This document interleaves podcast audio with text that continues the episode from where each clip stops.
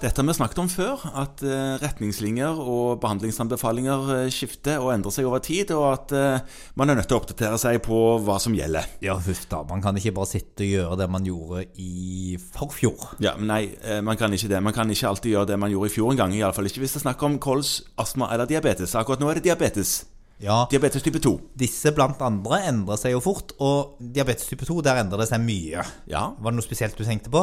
Jeg tenkte på at det var en artikkel i tidsskriftet for litt siden Ja. hvor det var internasjonale behandlingsretningslinjer. Altså, noen av de som, som vi vet har jobba en del med diabetes i Norge, Ja. de har sendt av gårde et manuskript som må bli trykka i tidsskriftet. Ja. Eh, Og Der tar de opp noe som er viktig, og som, som vi får reflektere litt rundt og ta litt debatten på. For de, de skriver at de internasjonale retningslinjene har nå igjen løpt fra de norske anbefalingene. Ja, Hva betyr det løpt fra? Altså, det, Går det ikke i takt?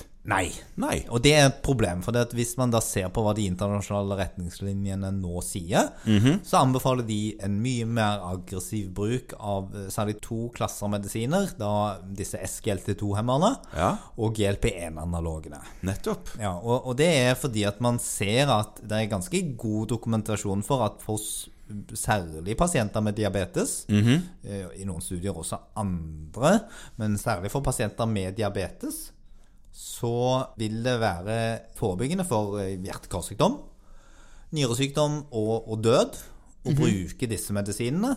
Sånn ser det i hvert fall ut i store studier, kontra det som heter tradisjonell behandling. Ja. Ja, som jo da er å ikke bruke disse medisinene.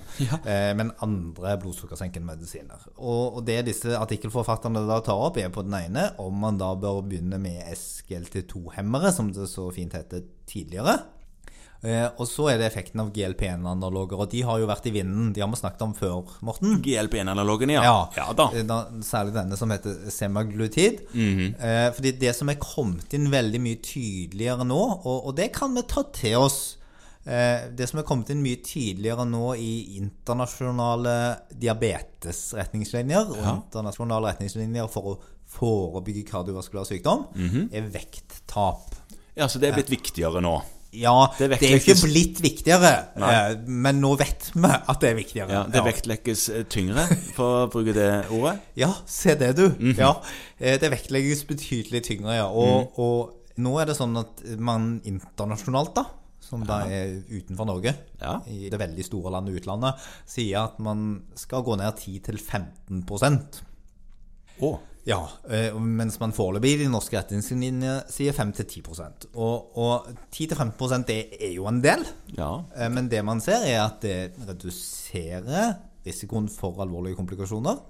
Og, og så er det også gjort en del studier på dette med, med bariatrisk kirurgi. Som du jo ikke holder med på med så mye på, på SMS. sikkert. Nei, ikke så mye på legesenteret, Nei. Eh, Men der man har sett at et sånt voldsomt vekttap, det kan jo sende diabetesen i remisjon. Eh, Ja. Ja. Um, ja. Det, det er vist. Og det man nå i større grad da begynner å fundere over, er om aggressiv vektsenking, det være seg med medisiner eller med andre tiltak, og kan kjøre diabetesen i remisjon. Ja, så rett og slett at du blir kvitt hele sykdommen? Ja. Eh, og og da, da må man tenke litt annerledes. Så nå tenker jeg at sånn, når- når det gjelder det å, å senke vekten, så kan jo det også gjøres uten nødvendigvis medisiner alltid. Eller med hjelp av medisiner mot overvekt. Og sånn sett så kan det være nyttig å gå noen runder på å få eh, Være litt mer på på disse årskontrollene eller vanlige kontrollene på å senke vekten i henhold til dette. Men, men det de etterlyser i denne artikkelen, de skriver jo ikke hvordan det bør være, men de gjør jo på en måte det, men det de skriver er vel kanskje at de ber om en diskusjon rundt om kanskje de norske retningslinjene skulle endre seg litt mer i tråd med de internasjonale. Ja, Men eh, det må jo være en eller annen prislapp på dette som, eh, som følger med? Ja, og det, der eh, kan man jo ta for gitt at, at SLV sitter og regner på sånn, om dette er det de kaller for Hva er det de kaller for, da? Om det er ikke kostnadseffektivt, men Bærekraftig, kanskje? Ja, de gjør iallfall sånne sånne um, Hva heter det? Gjør analyser. Og jeg har glemt hva det heter. Men der de, der de vurderer om dette er, er noe de skal satse på. Eh, jeg tenker at det som er viktigere enn hva SLV sier, det er at eh, nå pågår det en, en jevn revisjon av eh, de norske diabetesretningslinjene. Og man får jo tro da at de som sitter og gjør dette, også leser litt om hva som skjer internasjonalt, og den dokumentasjonen som foreligger der, når de da gjør sine beslutninger. Og så skal man da gjøre analyser i etterkant av om dette skal refunderes. Men Ja, ja. jeg tenker at i utgangspunktet så, så bør det vel være slik at det det er faglige anbefalingene som skal komme først. Og så får man diskutere om man har råd til å gjøre det. Da Og sånn burde det jo alltid være, men sånn er det jo ikke alltid. Det kan vi vel være enige om. Verden er nok dessverre ikke perfekt. Nei.